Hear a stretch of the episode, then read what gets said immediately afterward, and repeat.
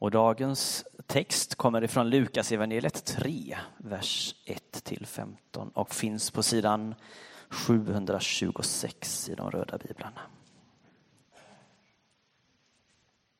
Under femtonde året av kejsar Tiberius regering, när Pontus Pilatus var ståthållare i Judeen, Herodes tetrark i Galileen, hans bror Filippos i Tyreen och Trakonitis och Lysanis i Ablene.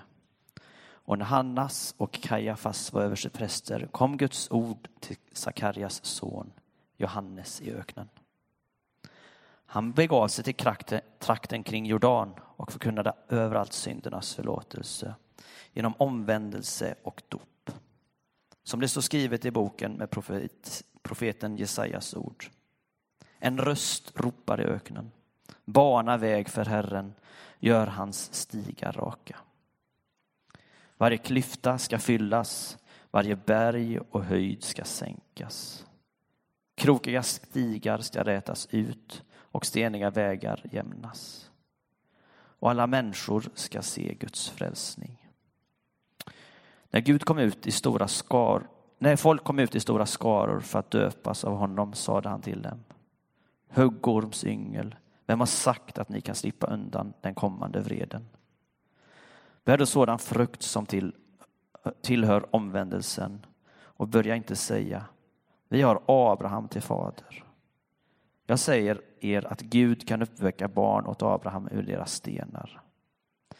Redan är yxan satt till roten på trädet. Varje träd som inte bär god frukt ska huggas bort och kastas i elden. Folket frågade honom, vad ska vi göra? Han svarade, den som har två skjortor ska dela med sig åt den som ingen har och den som har bröd ska göra på samma sätt. Även tullindrivare kom dit för att bli döpta och frågade honom. Mästare, vad ska vi göra? Han svarade.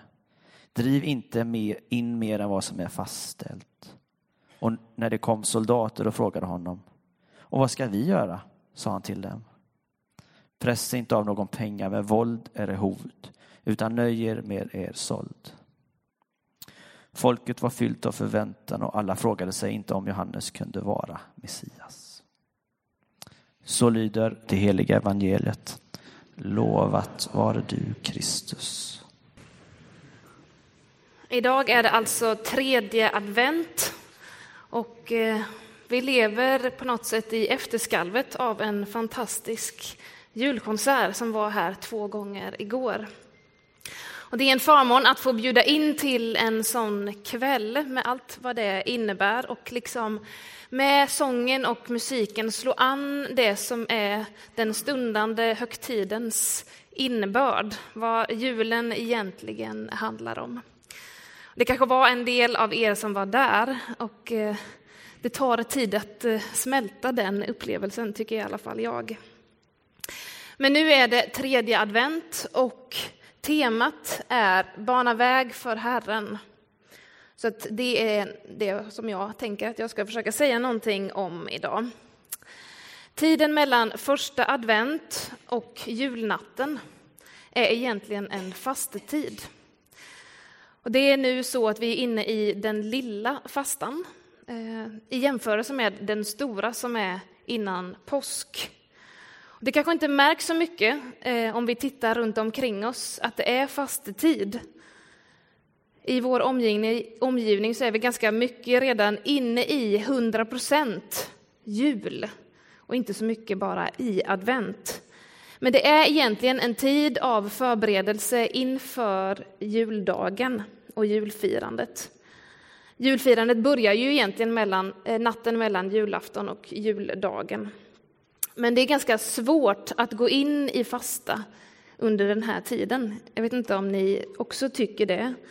Det känns liksom fel att avstå saker när man vill ladda upp, man vill bulla upp, man vill korka upp både must och glögg och man kanske till och med har delat ut någon klapp redan. Och då är det liksom svårt att hålla igen för det är så mysigt att få liksom smygstarta julen. Eller hur?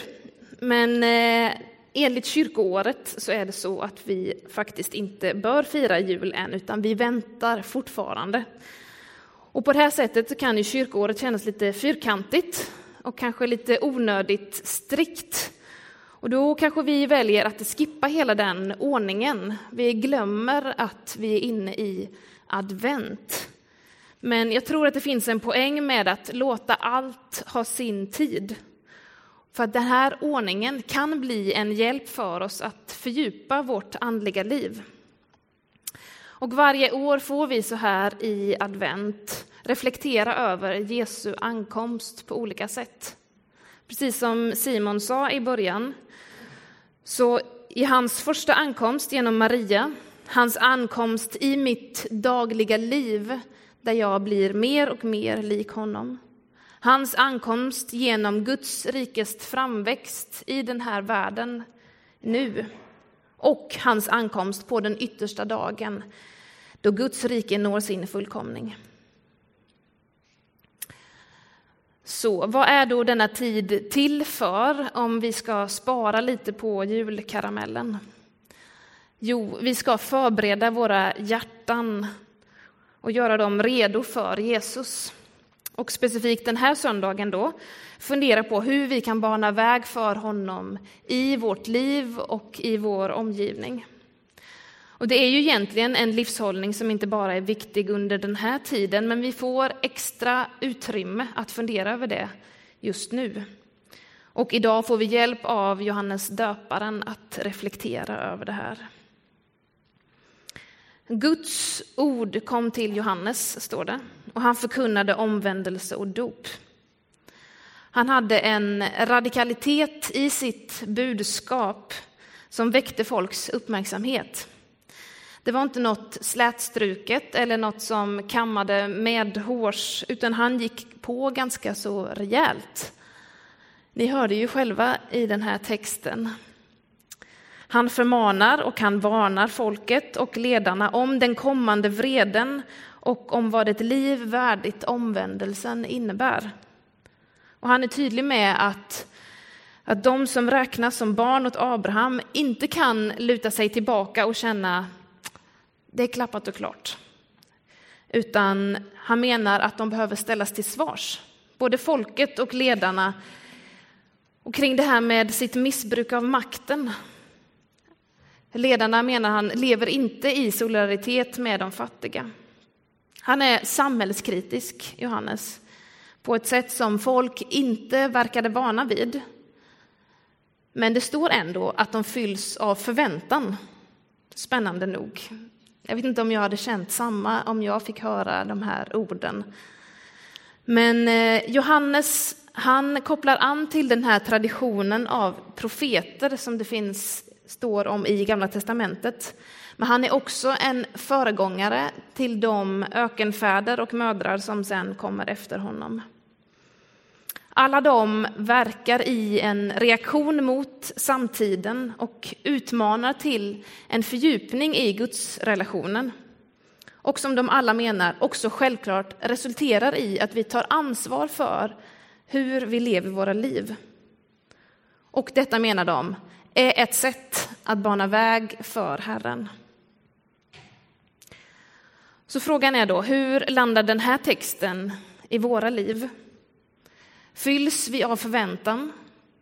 Blir vi skrämda av hans ganska skarpa ord om omvändelse? Eller kanske att vi slår ifrån oss det på ett sätt som också folket, där liksom det talas om, menar att ja, men vi har ju allt på det torra.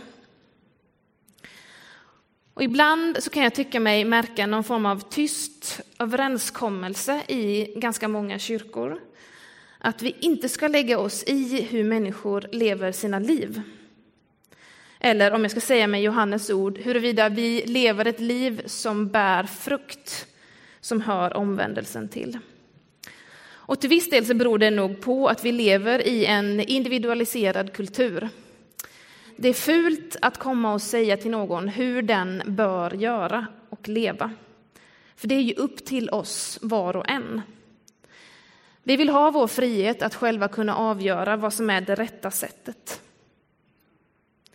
Men det kan också bero på att kyrkan inte har det bästa track recordet när det kommer till att utmana på ett gott sätt. Det har funnits tider då kyrkans företrädare i detalj har förklarat hur vi ska leva. Och det har blivit någon form av tvångströja för många människor. Och det vill vi nu hålla oss så långt borta ifrån som möjligt. Så långt borta ifrån pekpinnar och regler som det bara går. I all välvilja, såklart. Men det kan leda till att vi aktar oss från att säga någonting alls om hur vi bör leva.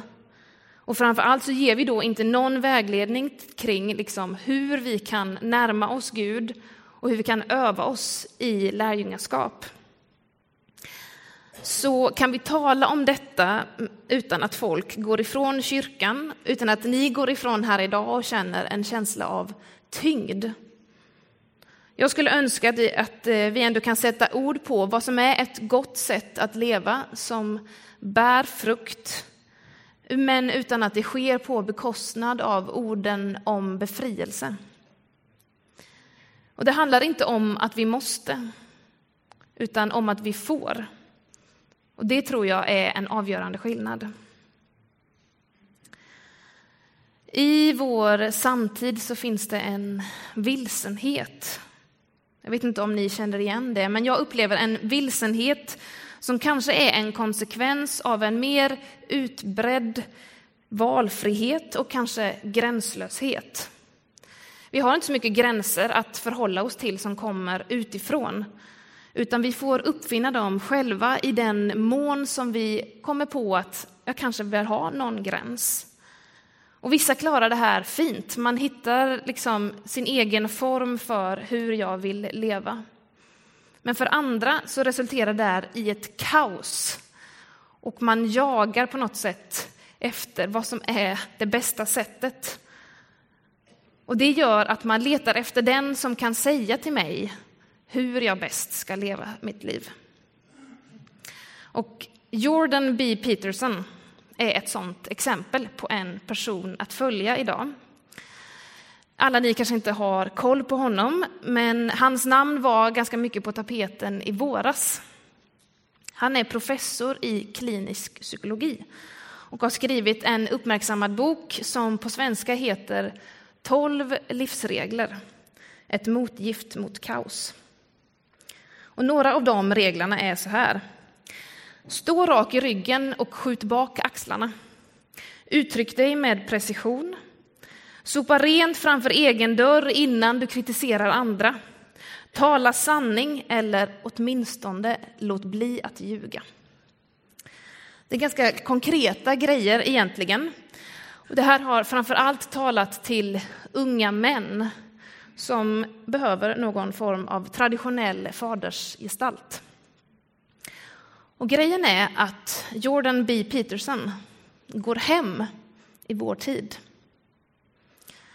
Uppenbarligen inte hos alla, men hos ganska många. Men det har stormat mycket kring honom.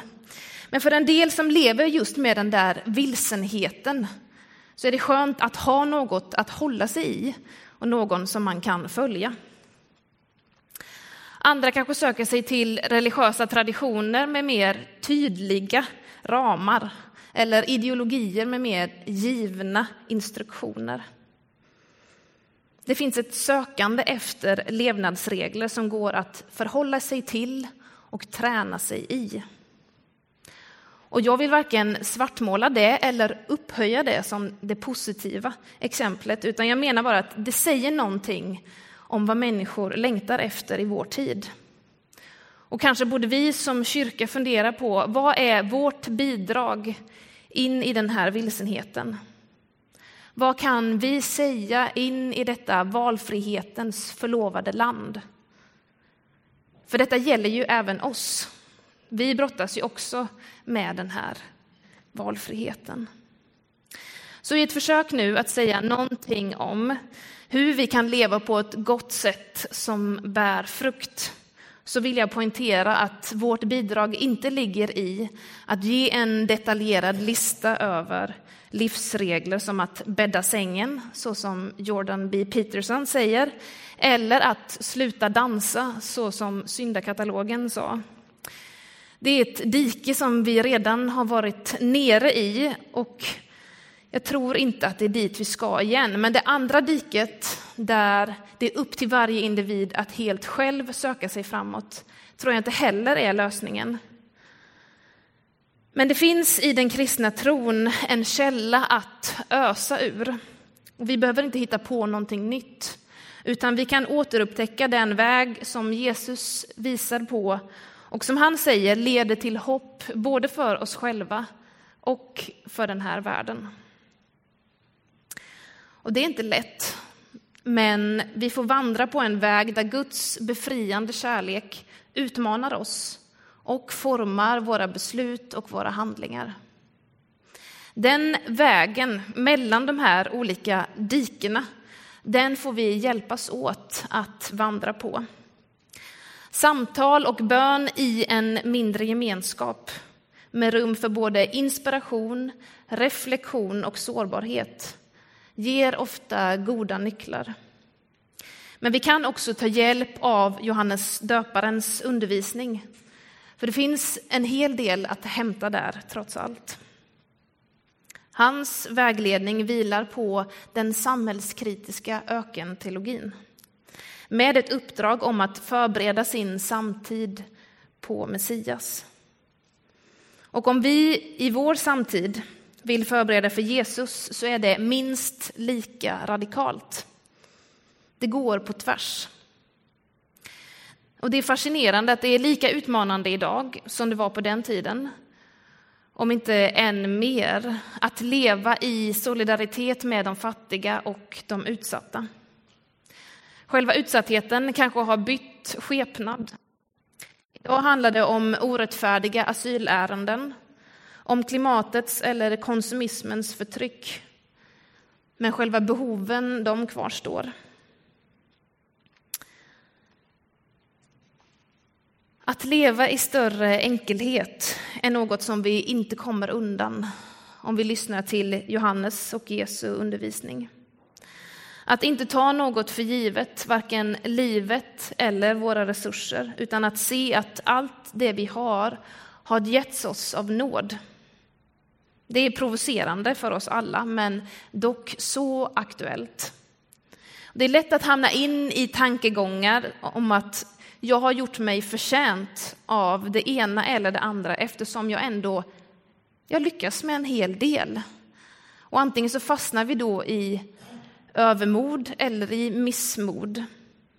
Men vi får öva vår blick i att se att allt är gåvor från Gud. Även mina egna förmågor och förutsättningar. Det kräver sin tid och sitt tålamod. Och kanske behöver vi de här vännerna som vi bjuder in och som vi ger befogenhet att tala sanning in i våra liv. Och eftersom all sanning är en kontaktyta med Gud så kan den där transparensen vara ett sätt för mig att närma mig Gud och ett liv präglat av omvändelsen. Konkret så handlar det om att hitta verktyg som hjälper mig i min vardag att ställa om min blick. Och här kommer fastan till oss som en möjlighet. En möjlighet att ransaka, att avstå eller att lägga till något annat som kan leda till att stärka vår tro, att öka vårt hopp och att uppliva vår kärlek. För det är ju det vi vill åt och det är det som vi ber om varje vecka i nattvarden. Men vi får lov att experimentera och pröva oss fram till verktyg som hjälper oss att leva på ett gott sätt. Och i dessa fastetider så kan jag inte låta bli att lyfta fram möjligheten att öva sig i att leva och handla på ett sätt som gör att vi inte blir en del av missbruket av skapelsens resurser. Genom att sätta gränser för sina egna begär så kan våra hjärtan bli mjukare.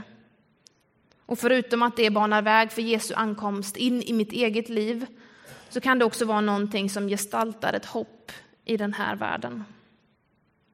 Vi kan genom de val som vi gör få visa på att vi tror på ett annat system. Ett system som går på tvärs mot den här världens system. Och vi får leva med Guds rikes visionen för ögonen och låta det påverka så att vi ser att det faktiskt går att leva annorlunda. Vi kan genom våra liv få lov att teckna Guds vision för andra människor och bana väg för Herren i vår tid. För som det står lite tidigare i Lukas evangeliet om vem denne Messias är som Johannes ska bana väg för. Så här står det. Han ska komma ner till oss från höjden, en soluppgång för dem som är i mörkret och i dödens skugga och styra våra fötter in på fredens väg. Och det om något visar på ett rike och på ett hopp som den här världen så väl behöver. En soluppgång för dem som är i mörkret och i dödens skugga. Och det är den guden som vi vill bana väg för in i människors liv. Och det får vi öva oss på, gång på gång. Att genom våra liv teckna visionen och hoppet om Guds rike. Vi ber.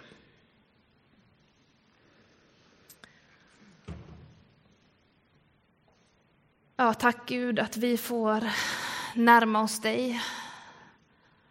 Tack att vi i den här tiden på året får påminna oss om att du har stigit ner för att vara med oss, för att vandra tillsammans med oss och hjälpa oss att bana väg för dig i den här världen. Jesus, du som är källan till hopp och till ljus. Hjälp oss att själva vara redo för din ankomst.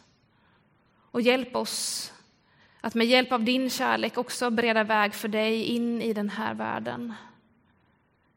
Hjälp oss att med din utmanande kärlek få öppna upp för det som du har att bidra med in i vår tid.